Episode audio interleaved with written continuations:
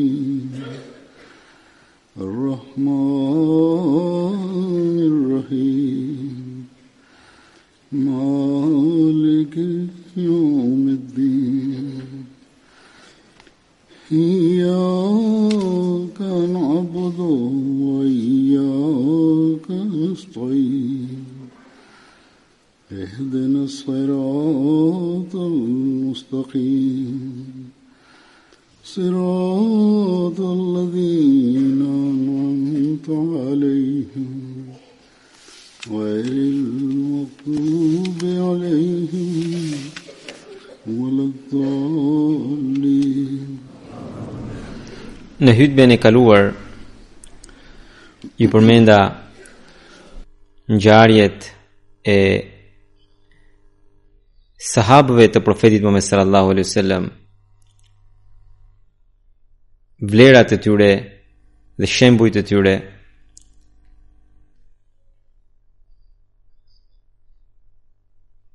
por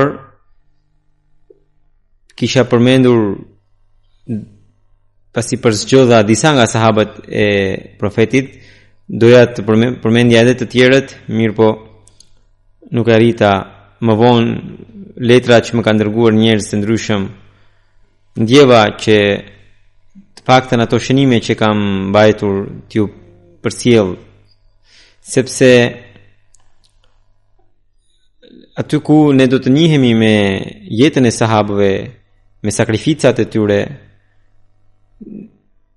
ne do të kushtojmë rëndësi edhe për të ndjekur modelin e tyre ndaj edhe sot do të flas pikërisht për këtë temë i dërguari i Allahut sallallahu alaihi wasallam njëri prej sahabëve madhorë të profetit Muhammed sallallahu alaihi wasallam ishte Abu Ubaida bin al-Jarrah si një sahab Pa dyshim që ai ka pasur një pozitë, ka pasur shumë veti të bukura, por për të qenë i besueshëm, ai ka pasur një certifikatë nga profeti Muhammed sallallahu alaihi wasallam, gjë që përmendet në hadithe, thuhet se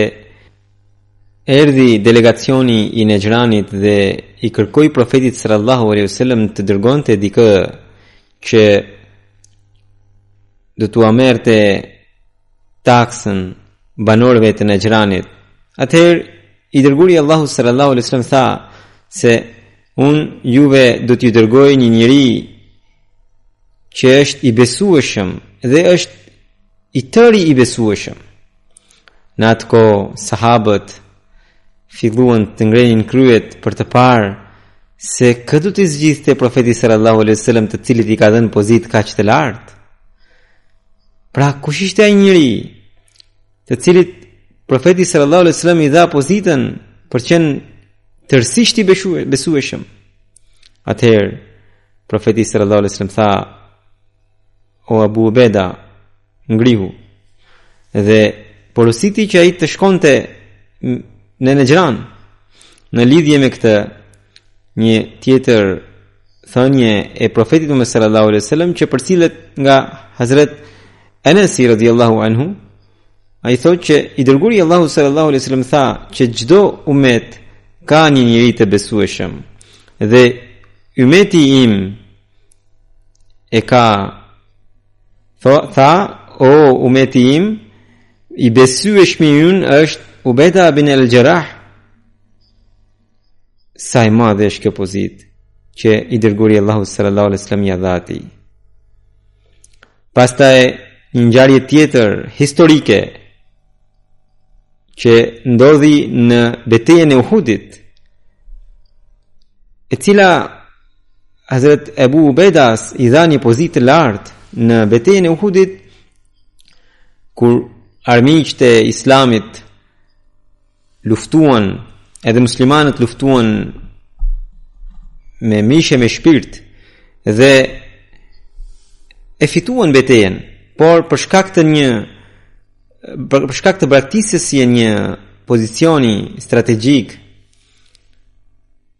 mekasit përsëri e sulmuan muslimanët edhe filluan ta gjuanin me gurë profetin sallallahu alaihi wasallam dhe disa gurë ishin shumë të fortë dhe e qëlluan fuqimisht profetin aq saqë përkrenarja e tij u fut në fytyrë Ishin shufra hekuri që u futën në në faqet e profetit sallallahu alaihi wasallam.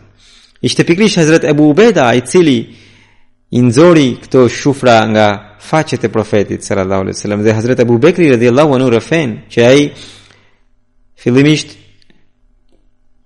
kur e kapi njërën njërën shufër hekuri e e tërhoqi fuqimisht nga dhëmbët e veta, sepse ishte ngulur fort në faqen e profetit sallallahu alaihi wasallam.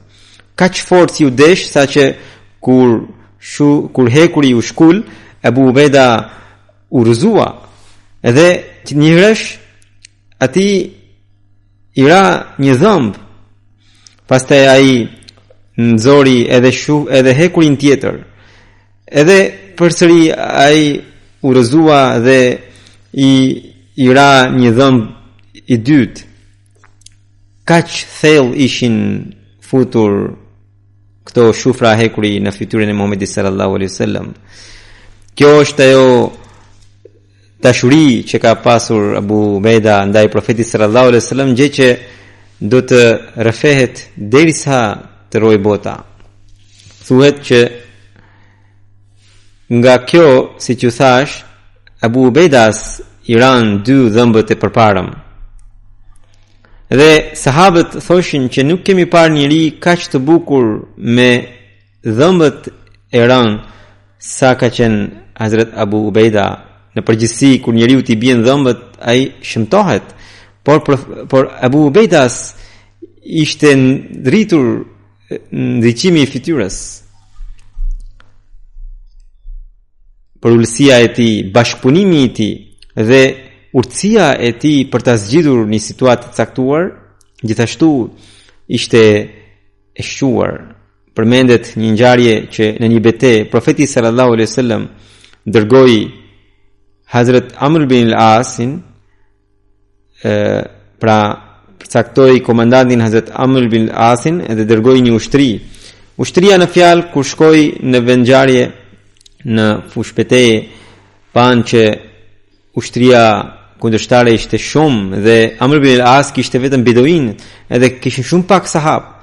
Atëherë Amr bin al-As i kërkoi profetit sallallahu alajhi wasallam përforcime. Profeti sallallahu alajhi wasallam dërgoi një çete tjetër në nën komandën e Hazrat Abu Ubaidas.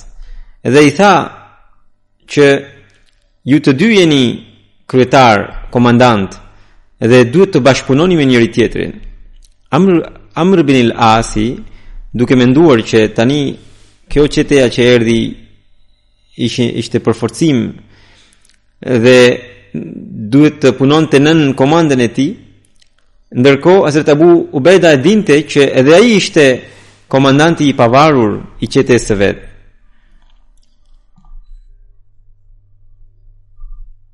Hazrat Abu Ubejda që ishte një sahab i i lartë dhe i tha që edhe mua profeti sallallahu alajhi wasallam ka caktuar komandanti i batalionit. Dhe jam i pavarur dhe më tha që të bashkëpunoj me ju dhe edhe edhe ju të bashkëpunoni me mua. Hazrat Amr bin pra Hazrat Amr bin al-Asi të ishte komandanti i batalionit të vet edhe ai ishte për batalionin e vet. Por Amr bin al-As i tha që unë jam komandanti sepse unë kam qenë nga fillimi në këtë betejë.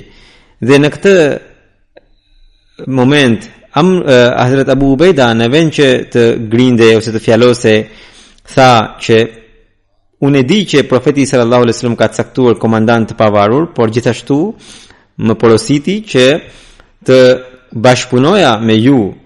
Prandaj, nga ana ime, ju nuk do të keni asnjë ankesë për mosbashkëpunimi.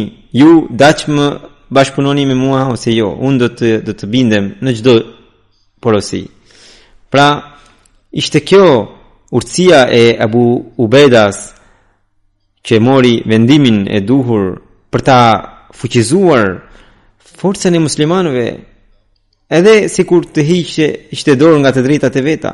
Ky bashkëpunim është pikërisht ai që është i nevojshëm për muslimanët. Edhe pikërisht ky bashkëpunim do t'i bënte muslimanët një fuqi madhështore. Ah, sikur muslimanët edhe liderët e tyre të kuptojnë se si duhet të bashkëpunojnë me njëri-tjetrin dhe se si duhet të je një ngjarje tjetër e Hazrat Abu Ubedas është në, në lidhje me qeverisjen dhe me vendosjen e drejtësisë aq saqë ti i bëri edhe armikun të miqësohej me të. Kur mbreti romak dërgoi mblodhi së pari ushtritë e veta dhe dërgoi kundër muslimanëve. Muslimanët në atë kohë kishin arritur shumë e, qytete dhe komandanti ishte pikërisht Abu Ubeda. Dhe Shumë e, viset e krishtera ishin e, rë, kishin rënë në duart e muslimanëve. Hazrat Abu Ubaida pasi u këshillua me sahabët e tjerë vendosi që duke parë ushtrinë kaq të madhe të e, të krishterëve, duhet të lëmë disa qytete të cilat i kemi fituar. Por në atë kohë, ngaqë ata, pra Hazret Abu Ubejda, kishte marrë gjizjen, pra taksën, të krishterëve të këtyre vëndeve, ua ktheu duke thënë që ne po largohemi nga këto vende, edhe këtë shumën që e kemi marrë prej jush, po jua kthejmë, sepse nuk mund t'ju mbrojmë më. Kështu që të krishterët e këtyre vëndeve që kishin rënë në duart e muslimanëve dhe kishin dhënë edhe haraçin pra gjizjen e panë këtë drejtësi të jashtëzakonshme nga Hazrat Abu Ubaida saqë banorët e krishterë duke i përcjellë muslimanët qanin me lot dhe luteshin që Zoti t'i rikthente edhe një herë në vendet e e të krishtë në këto vende të krishtera. Kjo ishte ajo drejtësi që vendosnin muslimanët sepse këtë e, ki, e kishin marrë prej profetit sallallahu alajhi wasallam gjë që sot nuk mund të imagjinojë njeri as përpara Muhamedit sallallahu alajhi wasallam nuk mund të imagjinonte ndokush. Nëse Sot mund të vendoset paqja, mund të vendoset vetëm duke zbatuar një drejtësi të tillë. Dhe jo duke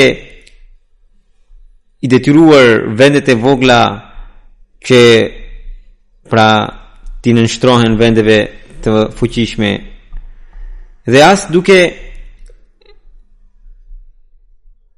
bërë siç bëhet në shumicën e vendeve islamike që marrin taksat nga nga populli dhe mbushin thesaret e tyre dhe ngrenë sloganin që jemi me profetin, jemi me sahabët.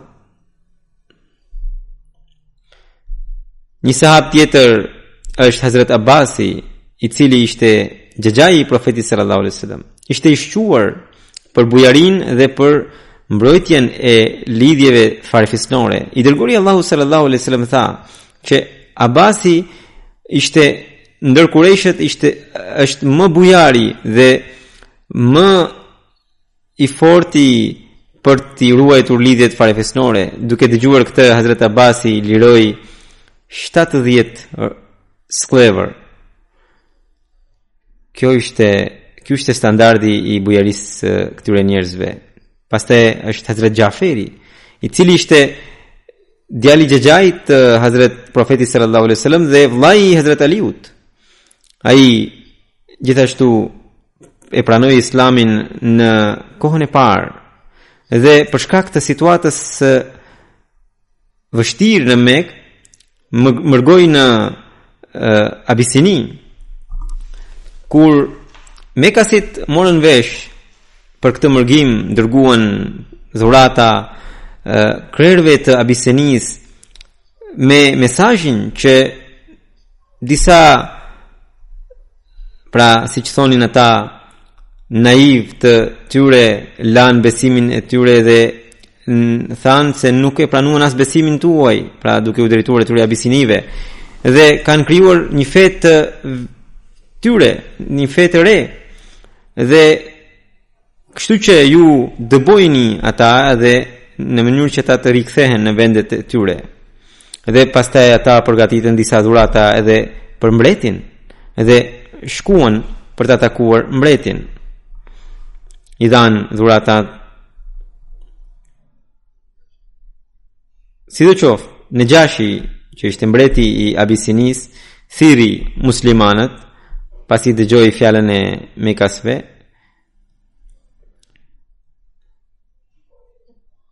Muslimanët ishin shumë të shqetësuar se çfarë do të ndodhte. Negjashi py i pyeti se pse keni lënë fenë tuaj dhe nuk e pranoni as fenë e ndonjë populli të mëparshëm dhe as fenë e të krishterëve që është feja jonë.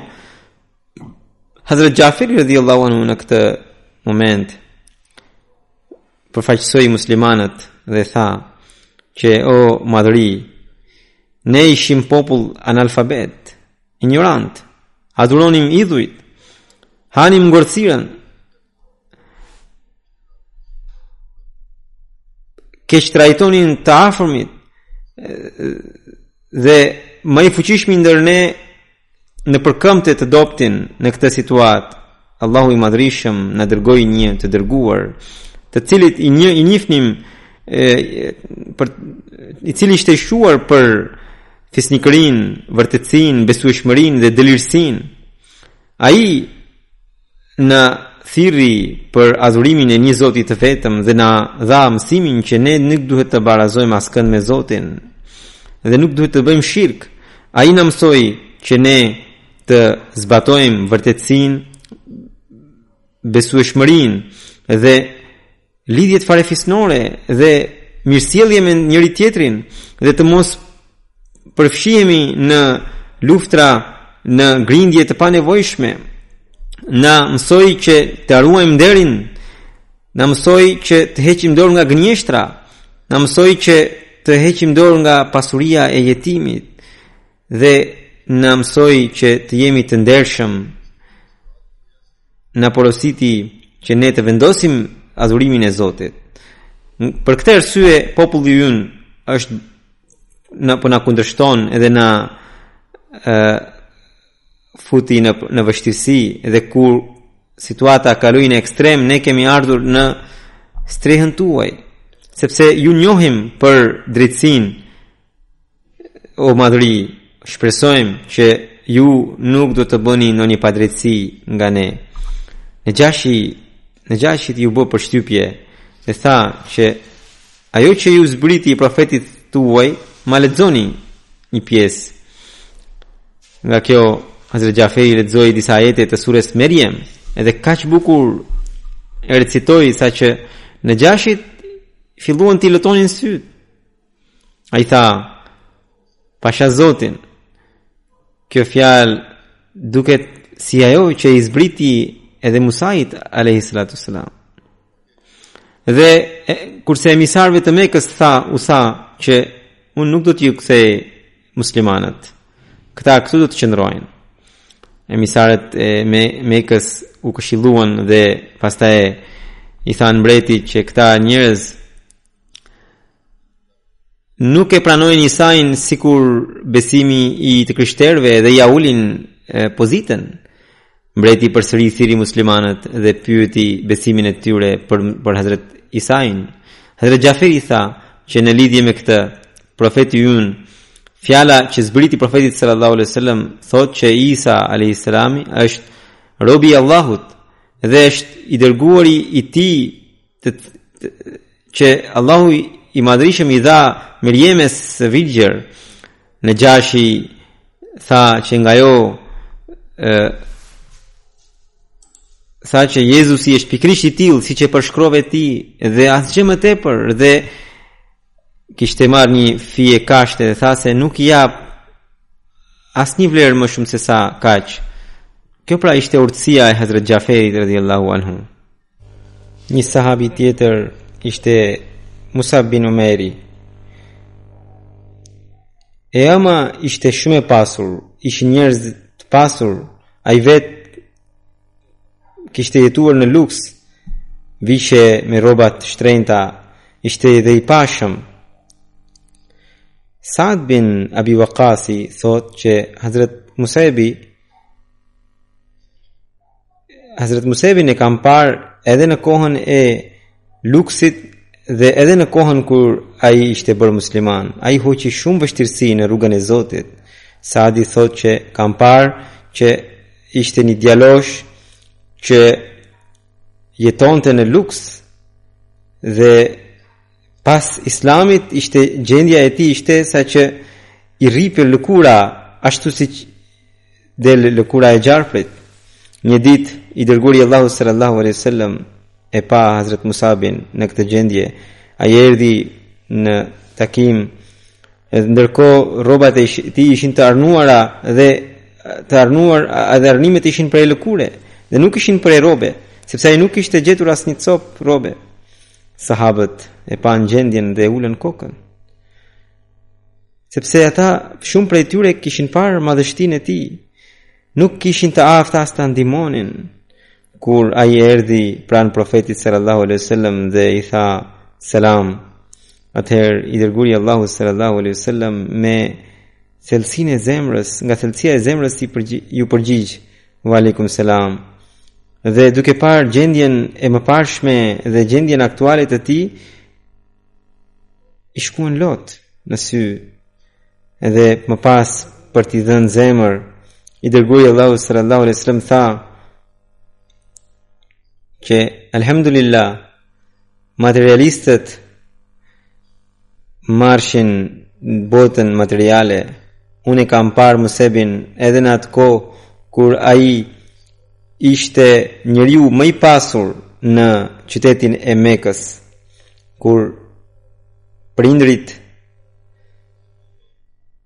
ai ishte një fëmijë shumë i dashur i prindërve të tij që gëzonte çdo ushqim dhe çdo pije por në dashurinë e Zotit dhe të dërguarit të tij Ai sot është në këtë gjendje dhe për hir të Zotit ka është ka hequr dorë nga çdo gjë dhe më pas Zoti i dha dritë fytyrës së tij.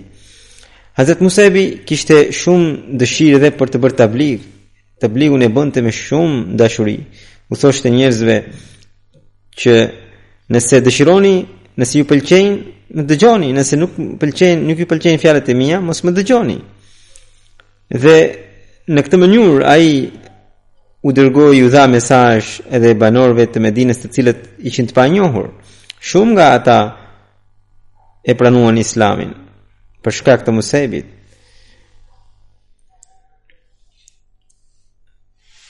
Një tjetër sahab ishte Hazrat Saad bin Rabi, që ishte një ensar, pra sahabi i Medinës.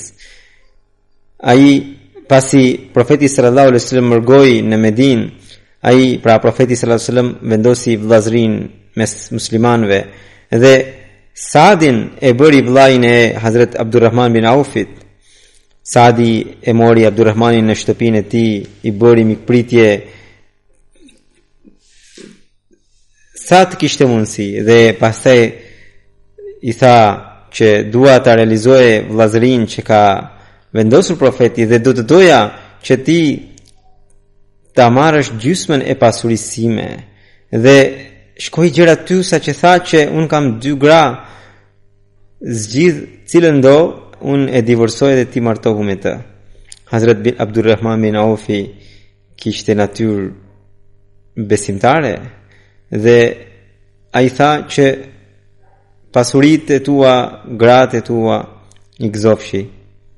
Zoti t'i bekoftë.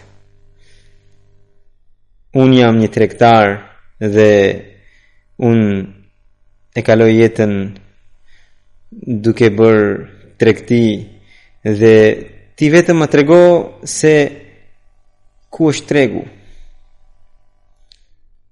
dhe të falenderoj shumë për ndjenjat atëherë Abdurrahman bin Aufi bëri tregtinë dhe u bë njëri prej tregtarëve më të pasur Hazret Saad bin Rabi mori pjesë edhe në betejën e Uhudit dhe pikërisht në atë betejë ra dëshmor.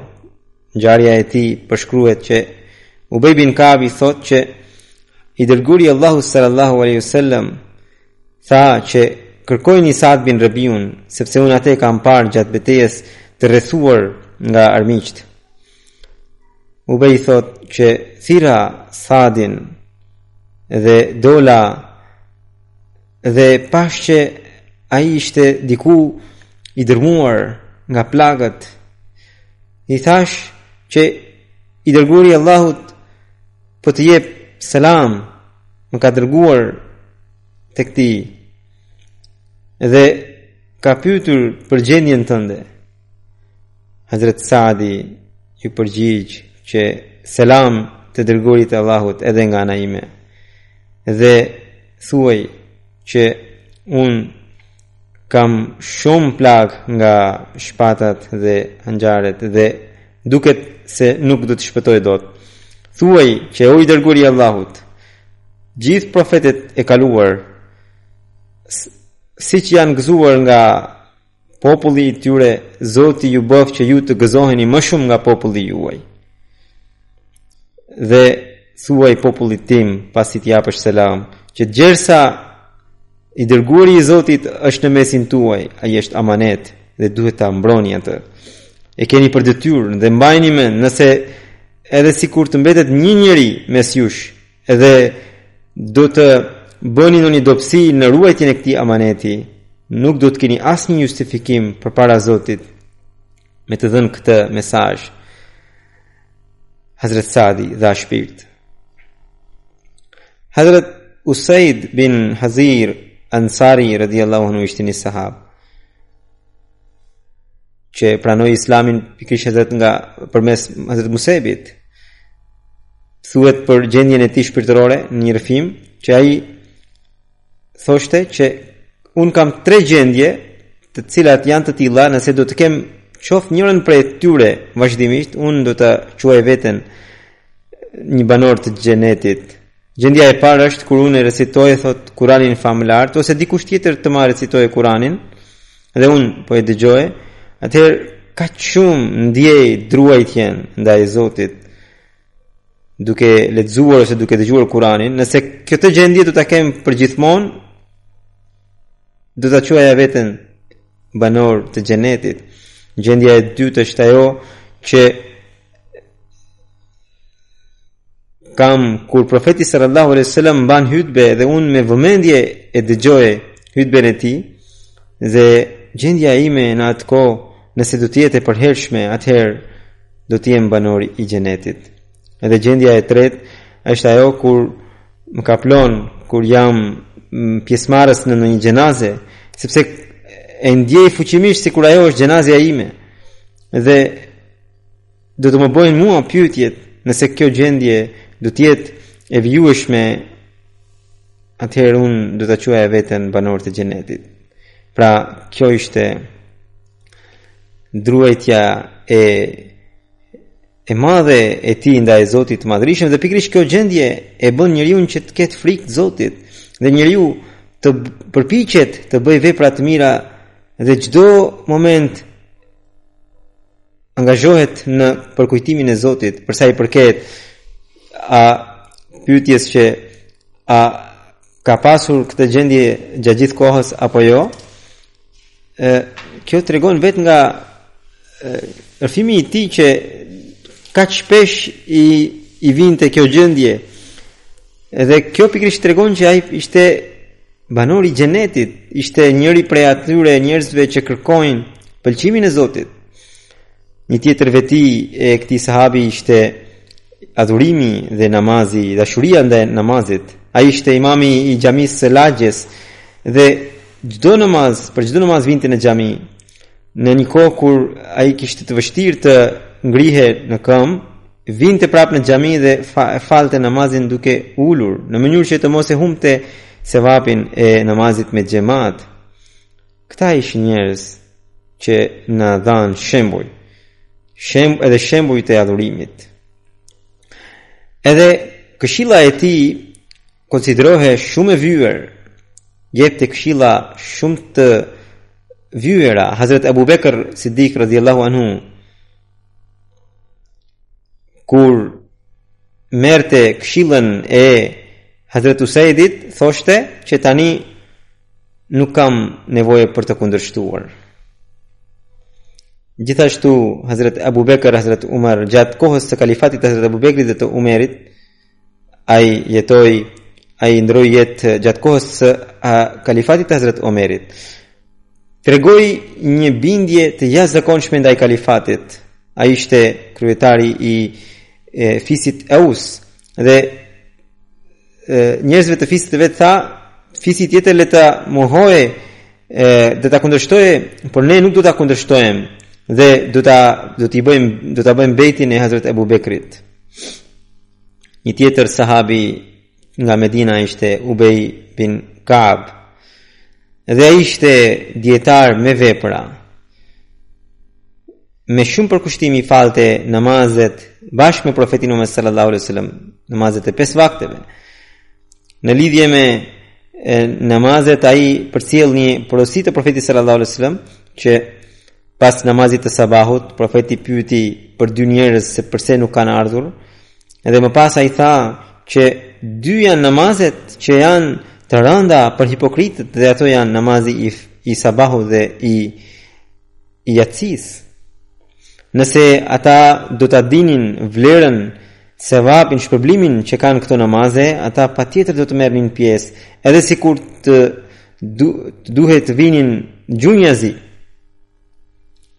pra namazi e profeti sallam theksoi shumë për namazin e sabahut dhe të jacisë në lidhje me zgjidhjen e disa çështjeve kemi rrëfime e pikërisht prej këtij sahabi një njeri e pyeti Ubej bin Kabin që ne kemi gjetur një kamxhik pra që përdoret për e, të për, për kuajt çfarë duhet të bëjmë Hazret Ubej bin Kab tha që kjo është një kamxhik unë njëherë kisha gjetë 100 dinar dhe shkova dhe e pyeta profetin sallallahu alaihi wasallam se e kam gjetur këtë Edhe profeti sallallahu alaihi wasallam tha, njoftoje për një vit se kujt i përke, kujt i përkasin këto para.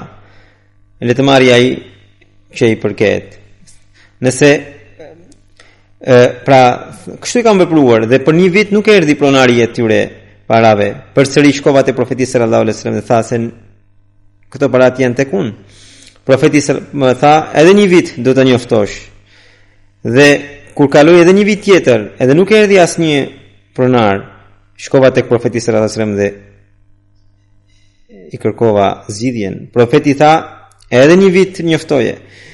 Kur kaloi edhe viti viti i tretë, edhe nuk erdhi asnjë pronar i këtyre parave, pyeta profetin sallallahu alajhi wasallam, çfarë duhet të bëj tani? Tha, tani Mund të për, mund t'i përdorësh këto para. Kjo kjo është standardi i takvas së këtij sahabi. Një herë ai e pyeti profetin sallallahu alaihi wasallam, "O i dërguari i Allahut, kur un lutem, më do zemra që sha, sa më shumë juve t'ju dërgoj selavate gjatë lutjes që bëj. Nëse un një të katërtën e lutjes sime dërgoj selavate ndaj jush, a lejohet? Ai tha se sa të kesh dëshirë, nëse do edhe më shumë, Hazret Abi tha që nëse unë gjysmën e kohës të lutjeve të mia, juve ju dërgoj selavate, është e lejushme, profeti sallallahu alaihi wasallam tha, sa të kesh dëshirë, edhe sikur të bësh më shumë, është akoma më mirë. Hazret Abi bin Kab tha që nëse un dy të tretën e lutjeve të mia ju dërgoj juve selavate, lejohet profeti sallallahu alajhi wasallam tha se edhe këtë le, kjo lejohet, madje edhe më shumë mundet.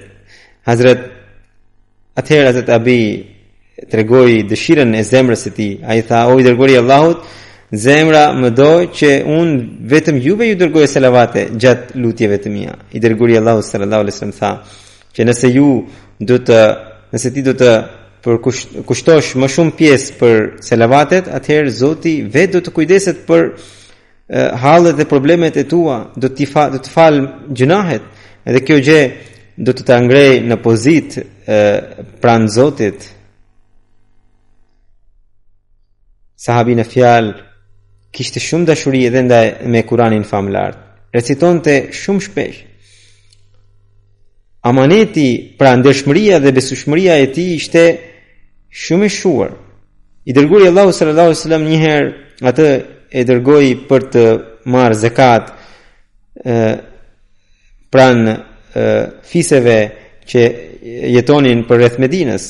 Thotë që shkova dhe kërkova zekatë, duke u kthyer Pranë Medinës takova një musliman kaq të sinqertë saqë ai sipas vlerës do të paguante i duhet të paguante një deve deve një, një vjeçare Ai tha se pse të paguaj deve një vjeçare, unë do të jap një deve më të madhe sepse deveja një vjeçare nuk do t'i hyjë në punë askujt, sepse është e vogël. Unë do t'ju jap një deve të madhe, të bukur që i hyn në punë Islamit. Hazrat Ubay bin Ka'b tha që unë jam thjesht një e, Emin, edhe kam ardhur thjesht për të marrë këtë që atë që të takon dhe nuk mund të të marr më shumë se sa kaq. Por muslimani në fjalë e insistonte që merr një deve më të mirë se sa kjo, sepse kjo është shumë e vogël. Atëherë i tha se jo, nuk mundem, ti vetë nëse dëshiron shko te profeti sallallahu alaihi wasallam dhe tregoja këtë çështje. Kështu që ai shkoi te profeti dhe ia tregoi gjithçka dhe i kërkoi që ta pranonte devenë e madhe. Profeti sallallahu alaihi wasallam u gëzua nga sakrifica e tij dhe tha që nëse ti e do e, e, e jep këtë nga dëshira jote, atëherë edhe Allahu do të të shpërblejë me të mira. Hazrat Abi ishte njeriu i dijes Kishte shumë dije për Kur'anin famëlartë. Në takimet e tij gjithnjë fliste për dijet e Kur'anit. Ai kishte një pozitë mes sahabëve. Dhe pikërisht këta sahabë ne shikojmë bekimet e tyre deri më sot. që ne përfitojmë nga fjalët e tyre. Hazret Mesihu premtuar alejhi salatu wasallam thotë: Çfarë kishte i dërguari i Allahut sallallahu alaihi wasallam?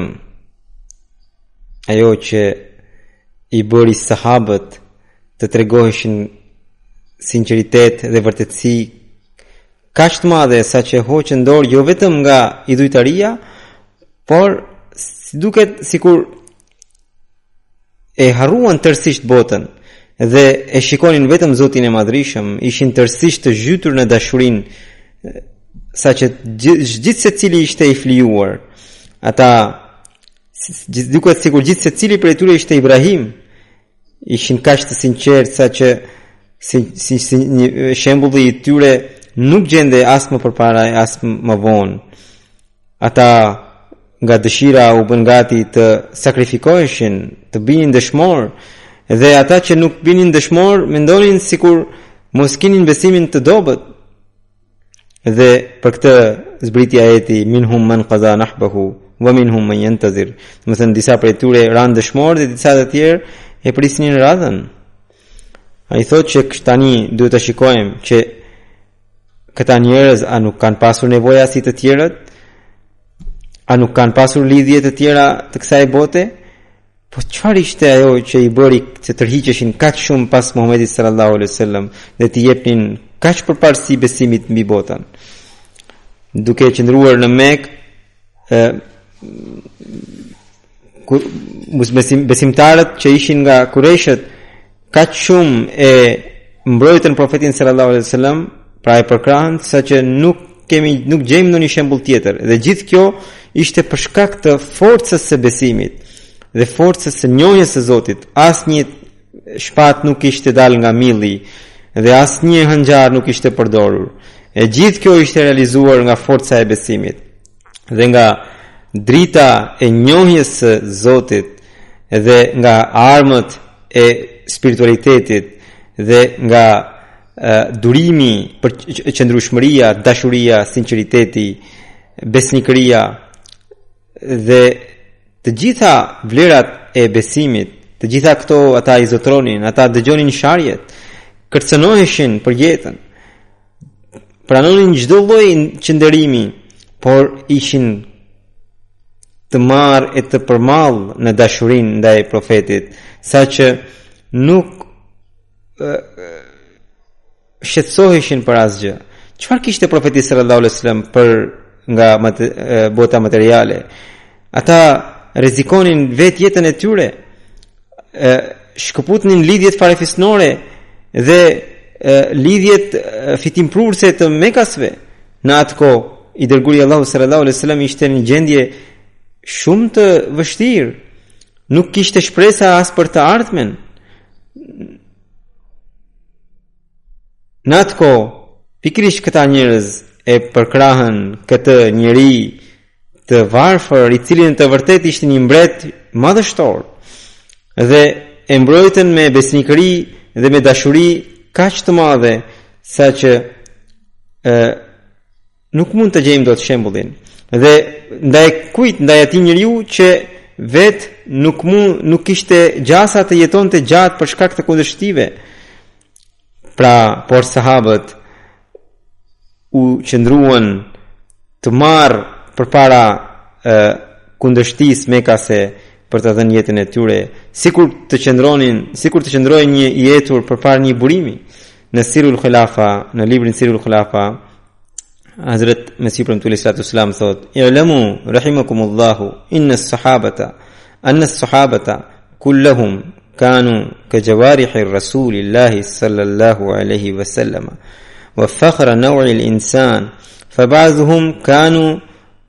كالعيون وبعضهم كانوا كالأذان وبعضهم كالأيدي وبعضهم كالأرجل من رسول من رسول الرحمن وكلما عملوا من عمل أو جاهدوا من جهد فكانت كلها صادرة بهذه المناسبة وكانوا jebëgune biha mërzati rabbil kainat,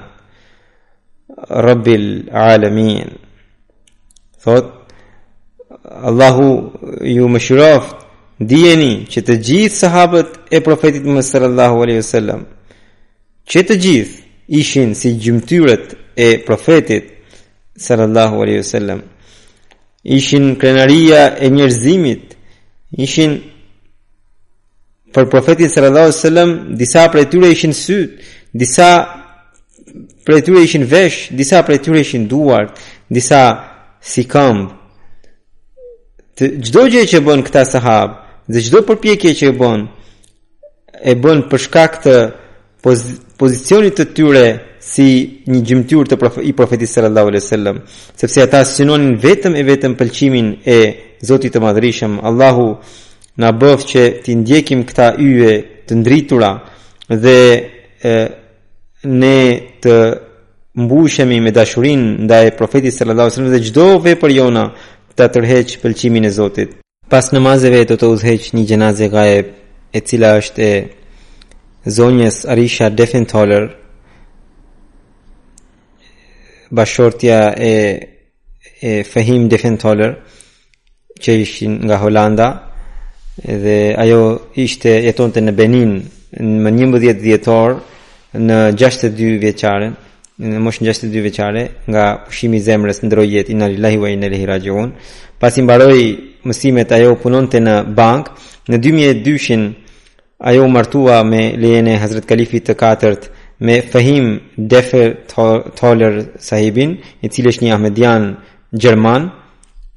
ajo ende nuk kishte pranuar xhamatin, por kishte dëshirë për të mësuar rreth xhamatit. Pas martesës, fillimisht ajo agjëroi disa ditë të Ramazanit. Fahim Sahibi që siç ju thashë është një Ahmedian gjerman, thotë që duke biseduar një ditë Ajo filloi të qante dhe tha që unë pyeta se mos të kam lënduar. ë po tha jo, po e krahasoja veten me Ahmediatin dhe kam shumë mangësi dhe nuk mund të bëhem kurrë një Ahmediane, një muslimane Ahmediane. Dhe nga kjo fillova të qaja, Fahim Sahibi E, pra shkoi udhëtoi një në vendet e Afrikës bashkë me Fahim Sahibin dhe mori një përshtypje shumë pozitive dhe më pas Fahim Sahibi i paraqiti formularin e Bejtit, ajo i lexoi kushtet e Bejtit